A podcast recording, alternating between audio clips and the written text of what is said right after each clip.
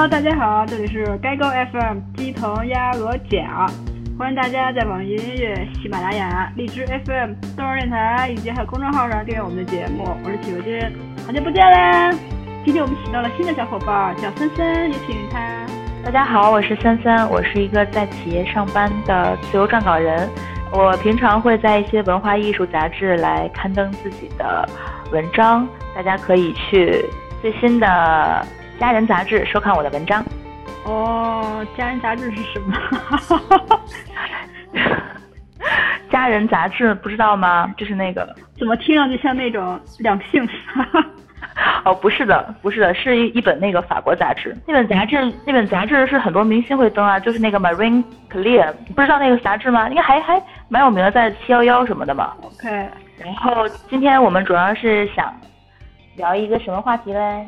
企鹅君介绍一下。今天这期我们来聊旅行怎么样？明明就说好的。好呀好呀，因为企鹅君邀请我来呢，主要也是因为我们两个都是旅行的狂热爱好者。嗯。然后企鹅君刚刚在台湾结束了一次十几十几天来。呃，有十四天。那就是整整半个月的旅行。对。还有很多的有趣的见闻想跟大家分享一下。嗯，哎，三三现在还在上班期间是吧？就抽空来录制节目。其实是嗯，下了班过来的，来咖啡厅，然后一起来跟企鹅君聊一聊旅行的故事。感谢你的时间。不用谢，那其实也是呃，因为对旅行特别有感兴趣嘛，之前也去过台湾，所以就一起想跟企鹅君聊一下。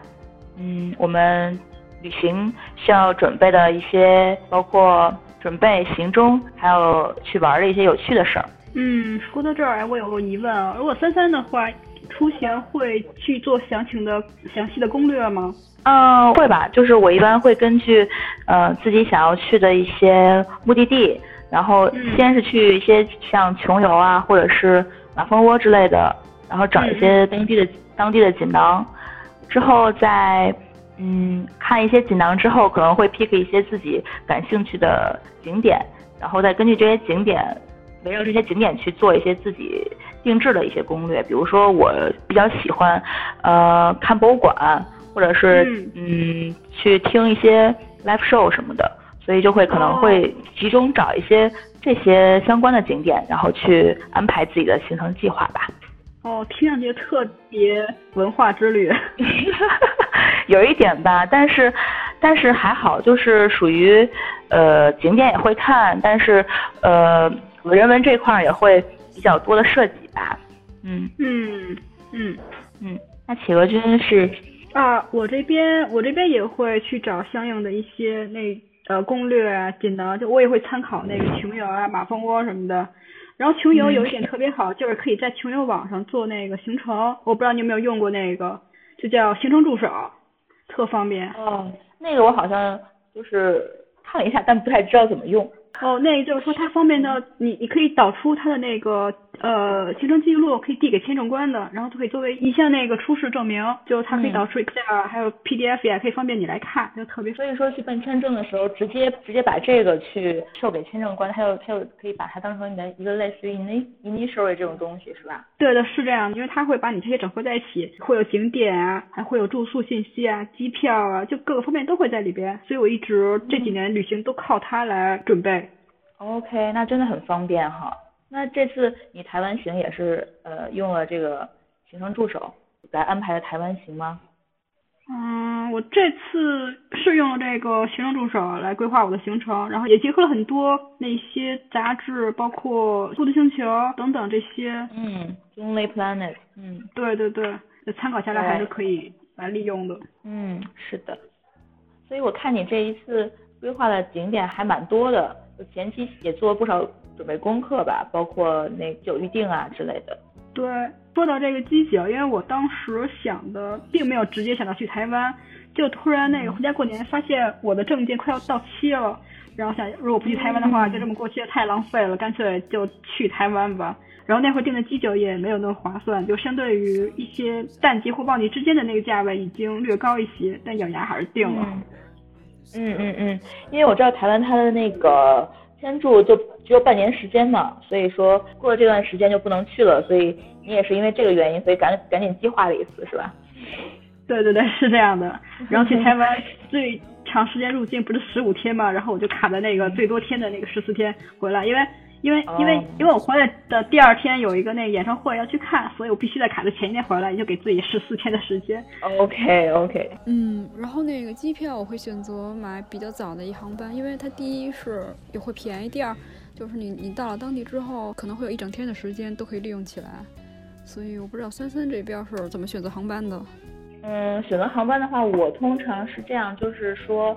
我会选择比较早的航班，但是比较晚晚的航班我可能会放弃，因为我觉得去了那之后就性价比不是很高了。你去那边之后直接入住酒店，然后就睡觉了嘛，第二天早上起来再玩，其实有点浪费吧，我觉得。嗯，对对。所以我会选择比较早的航班。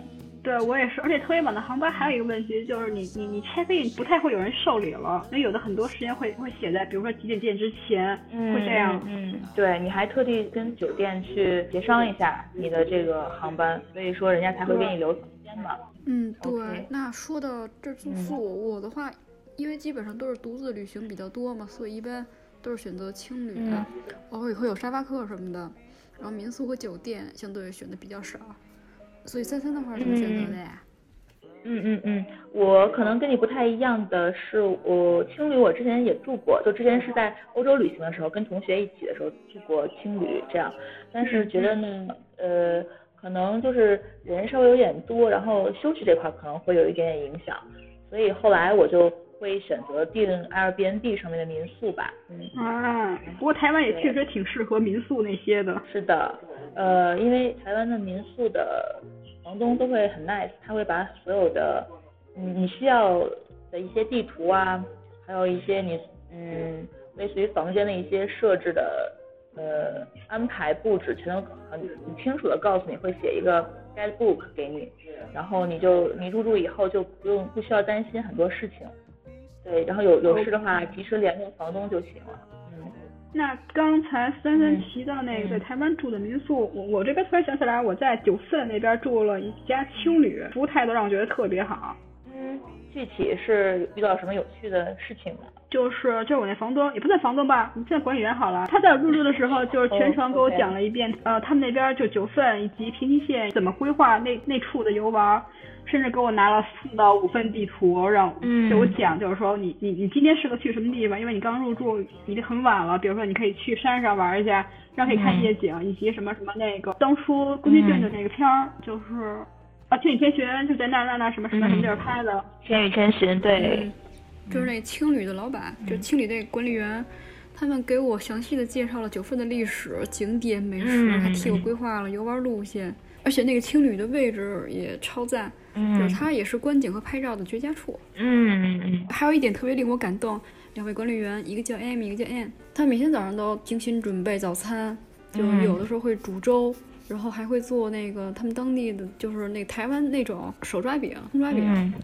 然后那天我入住刚好赶上了那个天灯节，然后还特地煮了元宵，就特别让我感动，而且都特好吃。感觉是一个非常，嗯，注注重服务的那种青旅。我觉得台湾还挺多这样的，呃，房东让我感觉到特别好。嗯，那所以说整体的住宿就是安排的很 OK 这趟。所以说，那你交通这边呢是怎么安排的呢？交通这边是这样，我不知道。我不知道三三会下了飞机之后在机场有没有什么准备？比如说我的话，我在机场可能会办理一些，呃，除了入境之外的，可能会买当地的手机卡，然后像台湾这边会买悠游卡嘛，然后还有兑换钱一些这样的事情。嗯，那三三这边会？嗯，我是我是一般是这样，就是我会买 WiFi 吧。我一般会租 WiFi 哦，去国外的时候。哎，租 WiFi 的话，会设备比较多会划算呀。就因为因为我这俩设备嘛，所以我没有必要租 WiFi。如果人多的话，我会考虑租 WiFi。嗯，是的，觉得呃，如果两个人的话，租 WiFi 你网速会快一些呀。比如说我和朋友和女朋友一起的话。嗯，哎。租 WiFi 会快吗？因为我觉得如果插电话卡，就各式各的设备，这样用自己的网速会很快。用 WiFi 的话，反而会那个拥拥堵它那个网。呃，我一般是会会租环球漫游，然后环球漫游的，我觉得机器的质量还都不错吧。嗯，我觉得可以试一下，下回。其实我用过那个全球漫游那个东西，那个设备，嗯，我觉得它有点麻烦，因为你要给它充电。哎，对对对对，这这点可能是，如果你要是比较嫌麻烦的话，就有点那啥了。对，本身我给我自己供个热点，然后供另一个手机也也还好，就无非就俩手机在充电，然后你还要给那个设备充电，我觉得特麻烦。那有的时候它信号也不是特好，比如说在山区里或者什么湖边上，它就。它的那个信号变成了两 G，巨慢。所以我们两个的习惯还挺不一样。你看，你就会呃住青旅啊，然后就是买那个电话卡，咱俩正好相反嘛，就也还挺有意思。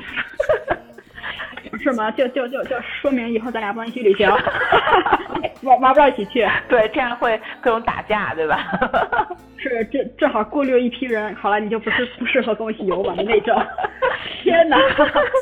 好吧，好吧，那没关系。但是总有一样卡，你去台湾是要买的吧？呃啊什么没听清？总有一样卡你到台湾是要买吧？就台湾交通卡。对的，悠悠卡，这个是台湾一定要用的。嗯，它特方便，就是你在便利店、seven 什么的，就地铁站哦，捷运站，sorry，都都用得到。是的，我们很 容易，就是台湾的地铁就叫捷运，就是很容易跟大陆的地铁搞混，但其实是一个东西了。对，就是一个东西。所以悠悠卡你是在哪买的呢？嗯，所以所以啊，悠悠卡你是在哪里买的哟？悠悠卡刚好是在那个呃机场，然后一起办了那个电话卡的附近就有贴旁边有小柜台，我在在那里买的。嗯，有一些有一些折扣啊，或者官方的那种小册子会附在上面，我记得。哎，我这没有啊，我是在高雄入境的嘛，所以我在高雄那个机场就直接买了。哦，所以高他俩柜台特近。OK，所以高雄也是用悠游卡吗？跟台北一样？对的，高雄是可以用的。我本来还很很担心是不是不能用啊，因为这边算南部了吧，我不知道它怎么算地理的，姑且算南部好了。嗯。就后来他有写，就北部那边都可以用，我就很开心。很方便哈。下次台湾旅行一定要记得买悠游卡，这个太方便了。就北京一卡通是吗？差不多。那你你那个悠游卡的话，你后来出境了之后，你还会自己留在就是自己身上吗？还是会给它换回去啊？啊，我没退卡，我我就带回来了，因为我觉得以后还能再用，毕竟一百块钱呢，一百块钱台币。对对对，我也没有退。嗯，因为毕竟台湾也是是呃值得去数次游玩的地方，我觉得，所以没有必要吧。对。那你那边就是呃，比如说做下一步就是从机场买了悠游卡之后就要去出发去住宿地方了，然后你是用什么方式去的住宿的地方？大巴还是坐的什么台铁之类的？嗯，我从机场到旅店就坐的捷运。哦。高雄那对高雄捷运大概有三条线路，没有台北那么那么复杂。嗯。基本上你坐捷运很快也也都能到，而且我我住的第一家的青旅刚好也在。比较繁华的商圈附近，所以直接到那个市中心特别便利。嗯嗯嗯，台湾那个那些城市其实都不是很大，就是属于那种，呃，坐体站地，就是可以玩很多玩玩很多景点的那样的，是吧？对对对，而且我住的地方旁边有夜市。啊，高雄，因为我之前没有去，我上次主要是玩了台北。嗯。那那高雄那边的夜市，你觉得有什么特点吗？比如说吃的那些小吃啊什么的，是不是很有特色呀？嗯嗯，高雄那边特别牛逼的夜市，比如说就必去的夜市，我都没有去，因为我觉得我旁边那夜市看起来也很棒，我就在那个住的地方附近的夜市去逛了一下。嗯嗯嗯。就吃的上，嗯，吃的上我我特别喜欢那个蛋饼，也不算蛋饼，那个叫蚵仔煎吗？葱花饼，我不知道你葱花饼啊，葱花饼，葱花饼，对，就葱花饼就跟国内的完全不一样，就吃起来简直了，简直就是天堂一样存在。啊，哇！我就没有吃过那么好吃的葱花饼，怎么怎么就在台湾遇到了？我以前吃的那都是什么呀？国内的那些掉渣烧饼什么的，是吧？吃到都是那种。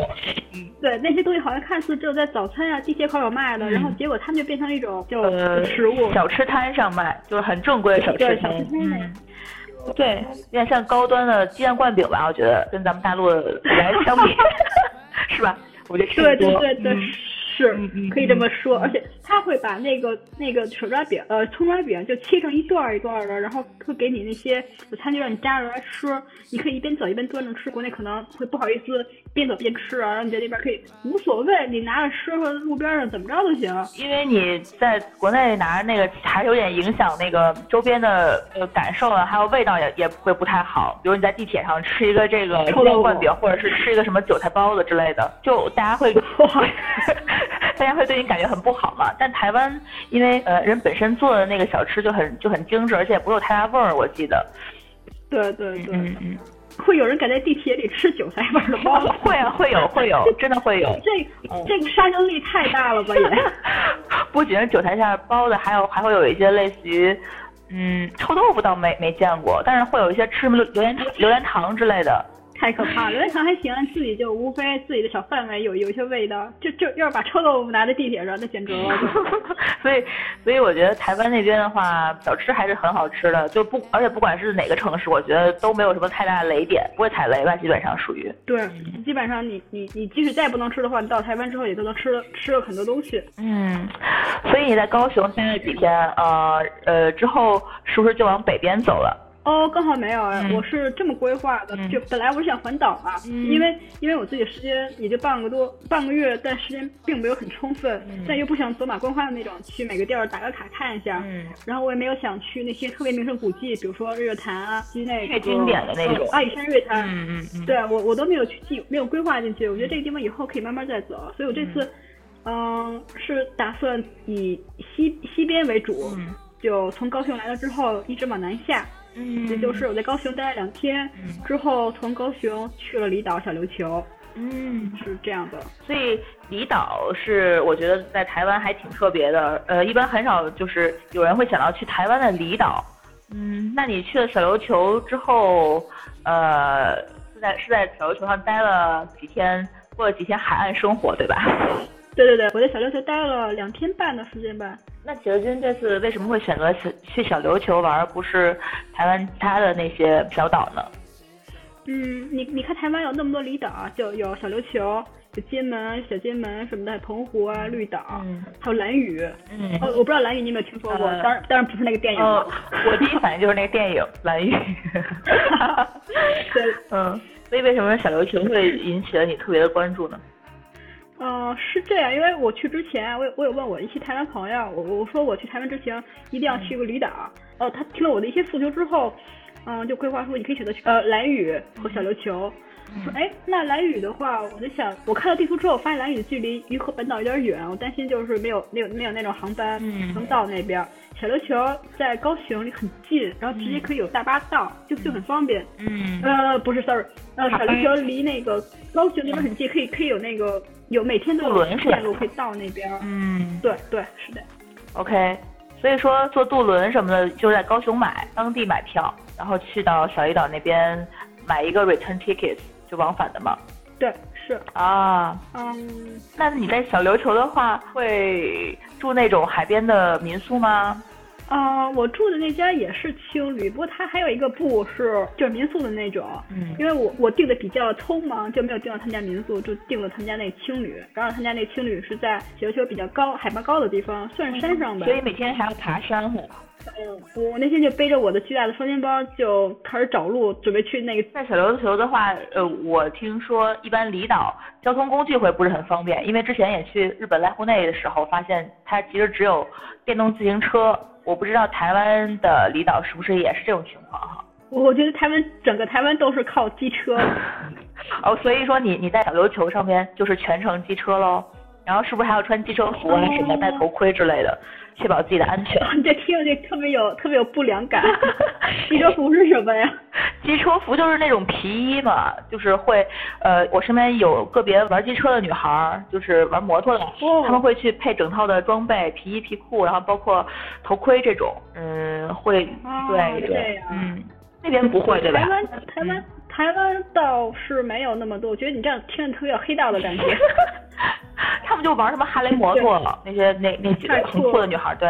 啊，是吗？回头介绍我认识一下。好啊，好啊，好啊，下次可以引荐一下。嗯，扯远了。对，刚才就是提到那个在台湾离岛租那个电动车，租那个机车嘛，因为我没有大陆人民可能没有那个机车驾照，所以没法租他们当地的机车，所以所以所以你这个交通工具就只能 pass 掉了，然后你可以选择那个电动车。嗯，电动车。电动车是充电的那种吗？对对对，就是充电的那种电动摩托车。因为这个岛上不是很赞同你去骑自行车，因为很陡的那种上下坡，你你很难去骑，很难甚至要推，hold 住是吧？对。OK。然后我是在我是在岛上完成了第一次骑电动车的使命，感觉怎么样？就是全程还还是挺爽的吧？因为我我记得，我觉得在岛上因为人又很少，所以骑车的话没有什么干扰。对，岛上人是很少，这这个基本上没有像台湾其他城市那么严重。呃，我青旅的那个老板他说。你要去租个租个车，我说好呀，就我是以为去租个自行车嘛，那因为我只会骑自行车哦，我也没有发，我也没法骑骑那个机车。然后我到了，他把我拉到那个车行之后，老板跟我说没有没有自行车，你只能骑这种电动的，而且你刚好没有这个驾照，你就骑电动的。是就被迫。我说我没有机会啊。对对对，他说没事儿，我教你。于是我就从一个新手。到一一完全不会骑车、不会骑电动车的人，就变成了一个骑车高手，是吗？骑电动车高，骑电动车新手。是的，那我觉得这个经历也很特别啦。就是你其实还在在内地还是很难的嘛。对，在内地我可能看到那些什么小牛以及他们那些就离得特别远，所以很羡慕他们骑这种电动车。我觉得我不会，我我我我就很羡慕你们。然后结果就在台湾。竟然也上路了，OK，所以而且骑的还不错。他说，对，他说只要你你你有过自行车的经验，那没关系，你就可以骑这个电动车。然后他给我找了一个最小电动车让骑，嗯，然后大概试了三圈之后，我就上路去了。所以说它的速度也很快，对吧？速度没有，它会限速，OK，它会限制在三十速之下吧。然后其实因为那个路上也有大车会经过嘛，会那么快。嗯嗯嗯，感觉回来你应该可以考能考一个摩托车的证了。大陆应该没有这种东西吧？有的有的，呃，我我就刚刚跟你说的那些骑我身边那些骑摩托车的女孩子，她们就会特地考一个呃摩托摩托车驾驶证，因为我们平常开车因为是 C 本嘛，就会在你的 C 本你的 C 本的基础上去给你加一页，就是摩托车行驶。对，是这样的。啊。哎，那他这个证是说在全世界都能认可的吗？比如说我在拿大陆的机车证，然后去台湾驾驶，应应该应该是可以的，就应该像像咱们国内的驾照一样，对，要要去换一下。可是国对，可是国内的驾照，因为在。台湾并不是被认可的，因为中国不是那种国际联盟的那种。我我记得在日本也是这样吧，好像。嗯嗯，而且而且日本日本真是驾驶太难了，他是他们是那个右舵的。对对对，他们是那右驾，呃，这跟英国不是一样吗？对，英国也是，哎，澳洲也是。澳洲对，澳洲也是。嗯，所以还是挺需要右舵，呃，还是挺需要适应的。那你这次小琉球的机车之旅就。超开心，听你说感觉，嗯，对我还体验了他们当地的那个游泳，哦，叫潜水，哦，浮潜还是深潜？啊，我没有那个潜水证，所以我先体验了浮潜，然后发现太爽了，然后我就再报了一个潜水的体验的一个项目。啊，所以说就是一气把呃浮潜和深潜都体验了一下。嗯，对，也不算深浅，我我没有问我的教练到底潜了多少，我我我觉得应该也有五六米了呗。我能看到，我能踩到海底，就比较浅的那个海底，然后能看到很多水下的那个微生物啊，以及它那些海草什么的，就是各种珊瑚类特多。因为小琉球那边就是有很很很大片的珊瑚。嗯，对的。对。那你觉得台湾潜水的这个设施还是很完善的，对吧？嗯。台湾这个潜水的话，你也可以在他们当地考考那个潜水证，据说也是可以可以是国际认可的，甚至全世界认可的是吧？其他国对对对，你可以找那些比较靠谱的机构。然后证的话也是可以全世界认可。好的，好的有些朋友不是会选择什么菲律宾或者是那些呃冲绳什么的去选择考，嗯，对他们不是会选择那些地方去考证吗？因为我觉得那边其实以前我也考虑过要不要去那边考，嗯，但但你想过，因为语言不通，又可能会怕那些呃比较难沟通意外什么的。对对，我之前也是想过这个问题，就是就是英语国家呢也比较少，你像像日本咱们也很难，所以说台湾我觉得还是挺适合大家。去考一个潜水证的，对语言这关实在太哦，或者是去那个，或者去那个马来马来西亚那个槟城，因为马来西亚那边也都说华语嘛，据说也不错。哦，马来，嗯，马来西亚的槟城也不错。我不知道那边费用，对我我我不知道那边费用怎么样，或者是沙巴什么的那边。哦，哎，听上去感觉三三是特别对海岛感兴趣。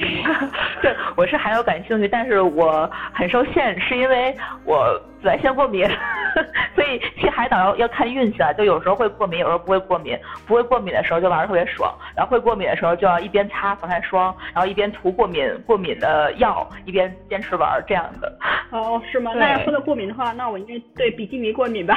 哦，明白了，明白了。所以你这次看到很多美女是吧？也不是。这么说了，就是我是不会去海边穿泳衣的那种，因为身材不允许。然后我觉得我的属性也不会允许。然后特别神奇的就是我我当时没有想过去在小琉球去潜水嘛，然后然后当时我就穿穿我自己的内衣，我自己内裤就直接下水了，会会穿他那个呃潜水服。就全程穿我自己的设备，没有任何泳衣，就很神奇。然后结果上岸之后，全身都湿透了，就那种感觉巨爽。所以身边也有很多其他跟你一样装备的人下去游泳，是吗？所以你会让自己很特别，或者说是呃会引起别人侧目。嗯，会吧？我觉得我浮潜的时候是跟另一家四口人去一起浮潜的，就是有有一个教练带着我们下下水。然后之后我就跟教练说，我想再体验一下潜水，结果就很我我之后体验完之后很上岸，大家就投向我很崇拜的目光，就一个那么小的身躯，然后背着快跟人一样大的那种氧气瓶，就那种感觉。啊，我长得是很小只的那种，因为你有见过，嗯嗯嗯，对对，我们两个是，我们两个是在线录音吧。对对对，我我们这次也搞远程录制，因为这个好像挺适合我们这柜台的风格。是的，据说之前也录过哈。对，之前录的效果还不错，是第一次是我跟那个那个李纯，呃刘纯，嗯，那次我们就开始开启远程线上录制，就效果还不错，然后大家就开始兴起了这个。所以我觉得线上录线上录的话，就是需要沟通比较多一点。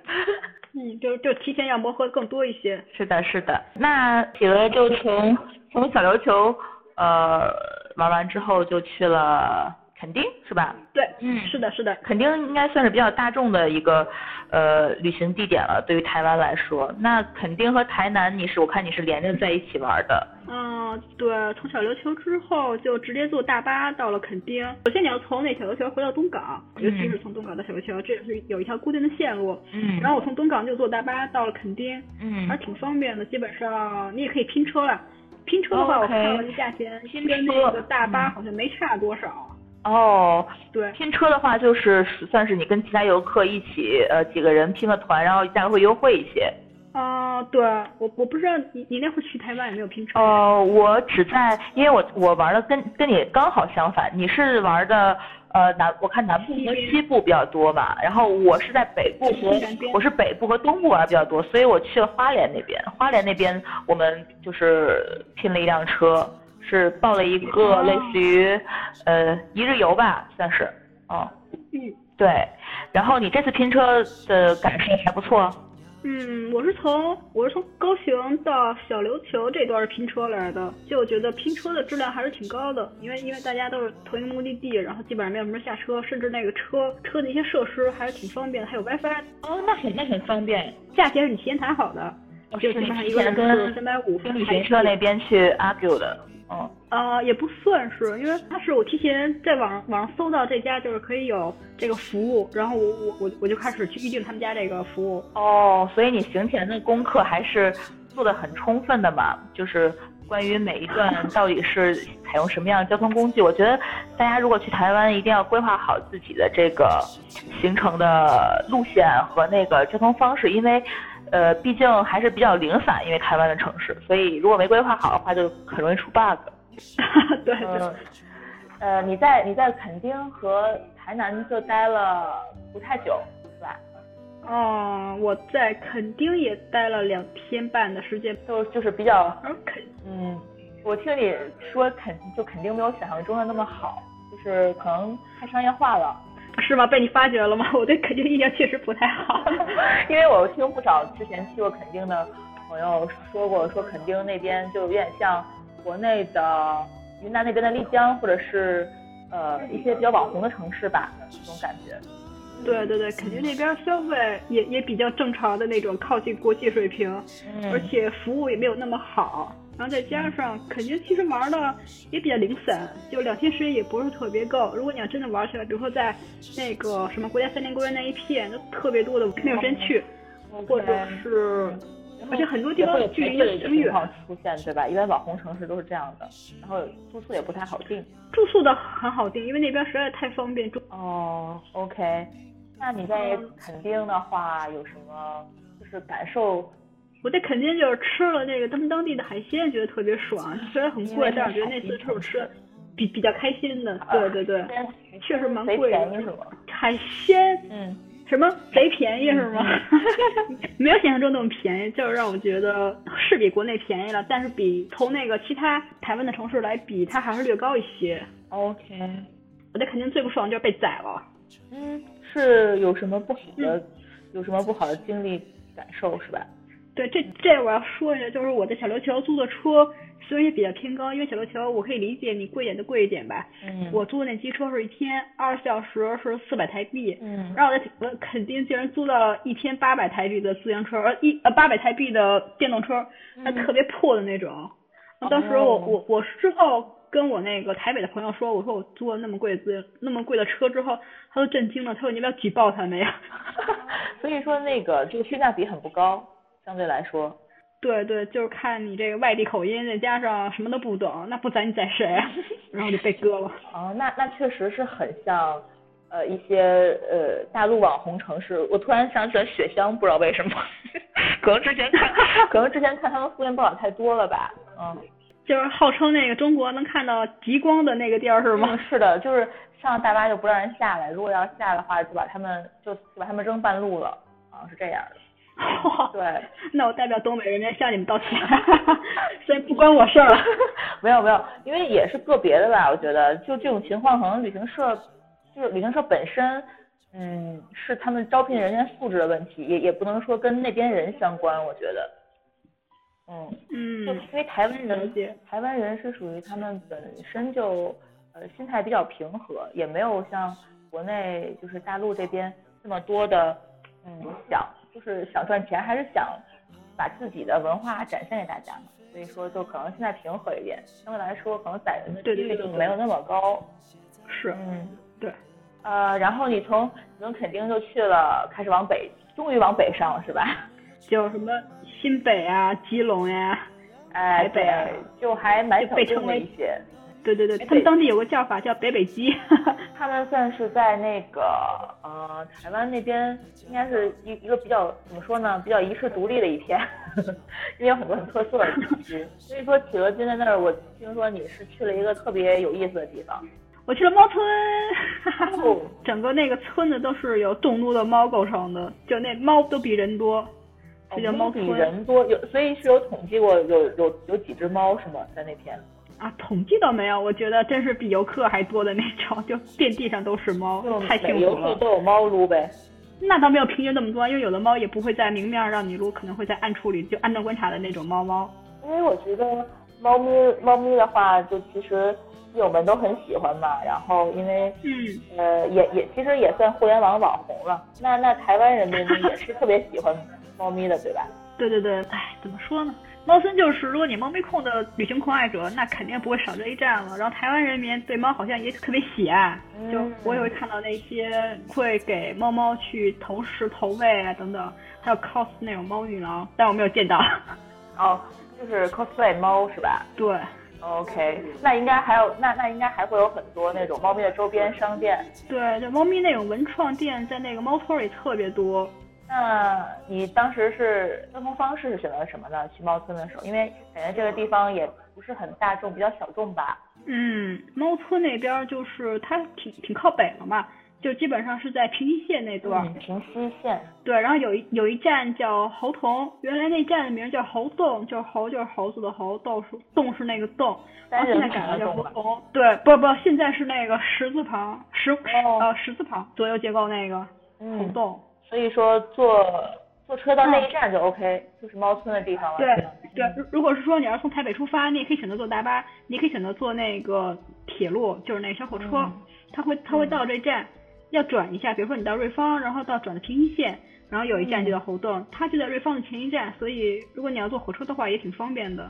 嗯，因为我当时有你可以体验一下瑞芳那一站，我有去，瑞芳那一站就是特别的复古，我记得，就是特别像那种民国时期吗五十？年代，对，五十年代。然后 我知道下一站就是就是猴猴洞，猴洞，嗯，对嗯但没有去。就对，其实选择坐小火车来挺挺好的。你看一下那个火车这边当年的那种气息，它还在保留着，特别复古，嗯有种民国的感觉。是啊是啊，所以说你在猫村那边也是呃撸了很多猫，对对对对住了一天。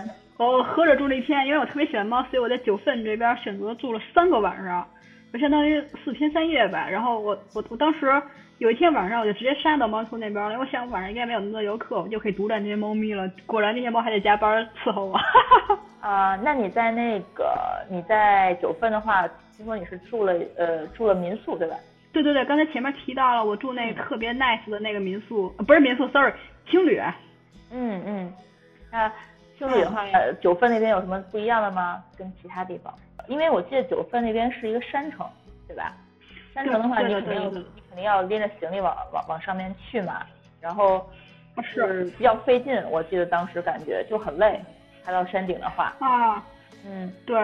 对，那边就周围还有一些什么老街，然后就就老街其实没有特别的，对，老街其实还好，没有什么特别，就有就跟咱们平时去的那些就什么田子坊呀比较像，对，嗯，南锣鼓巷就很对蛮商业的，对对。但那边景色还是挺棒的，如果说你赶赶到一个好天气，真的能拍上明信片效果。哦，哎呀，我当时好像没有遇到，我当时好像是有雾吧，所以说稍微就是从山下看还是。嗯，雾蒙蒙的，但是风景水墨风挺美的，对。就台湾的那个冬天嘛，就整个就是下雨。嗯，是的，因为因所以有一首歌叫就冬季到台北去看雨嘛，就说这段时间嘛。所以说那个其实九份那边待一个，我我我自我自人感觉，呃，自我感觉待个一两天就差不多，住一晚上就就应该差不多了，其实玩的。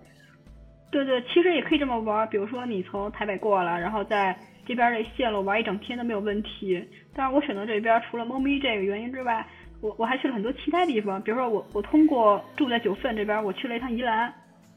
啊，宜兰县。你说宜兰你去了是吧？我我还以为你后来没有安排。我宜兰本来是没打算安排进去，但我后来想，哎，我现在九份待这么多天，不我去来看一下。我我觉得我我去了之后，我我是很喜欢宜兰这个地方。就那种古香古色，特别那种就那种 country 的感觉，对吧？对，特安静，特别让我觉得很惬意，就没有那么吵。嗯，算是田园气息比较浓厚。对，田园气息特别浓厚，然后还有那种在田地里做农活那些，就感觉特别棒，就可能需要的这种安逸的感觉吧。我觉得企鹅君这一趟旅行就是虽然安排的特别分散，但是有一有一个特别好的就是体验。就是每因为每一片地方它的呃文化，包括还是有细微的差别，然后我觉得你都感受到了，就很有意思。对对对，嗯对，因为我我去的地方都跟大家不太一样，比如说我我可能会喜欢那种海边，但我又不喜欢沙滩，然后我就去了去了那种很偏很偏远的那种海岸海岸线，然后我我又喜欢那些就是小众的景点，然后我就去了那宜兰的那个豆腐甲，基本上没什么人知道，只有当地人会知道，或他们本地人会去那游玩。嗯，他就觉得哦，不用看到很很众多的那些游客，就觉得啊，好开心啊，没人跟我抢啊，很不错，很不错。就那些很很很很网红的地方，就是大家就站那站了半小时，就各种拍照，觉得特受不了。对，我觉得那种网，其实网红打卡地，就是大家就是属于看着来吧，因为你你如果真的感兴趣的话，你再去，否则的话，我觉得有点浪费时间哎。嗯，对对对对，这点我跟你有一定认可。哦，终于有一点就是旅行中中间的认可，就是一相同的点了？对，那那我我问一下，如果说森森在旅行的时候，真的到一个景点，有很多人都在拍照，就拍了之后也不走，然后就一直停留在那儿，就霸占那种风景，你你一般会怎么做呀？呃，会会会会就直接走掉，跟他们说你让我来拍或者什么什么的。我觉得那我应该不是那种，我应该不是属于那种多管闲事儿的吧？但是我可能就会呃默默拍一下景，就是就站在很高的地方，把景色大概就拍一下就走掉了。我应该是这种人。哦，那也挺好的。那那那你的镜头里如果说出现了其他游客的身影，你你会删掉还是会怎么样 P 掉，或者是干脆就把他们带入进去？那我可能就属于呃。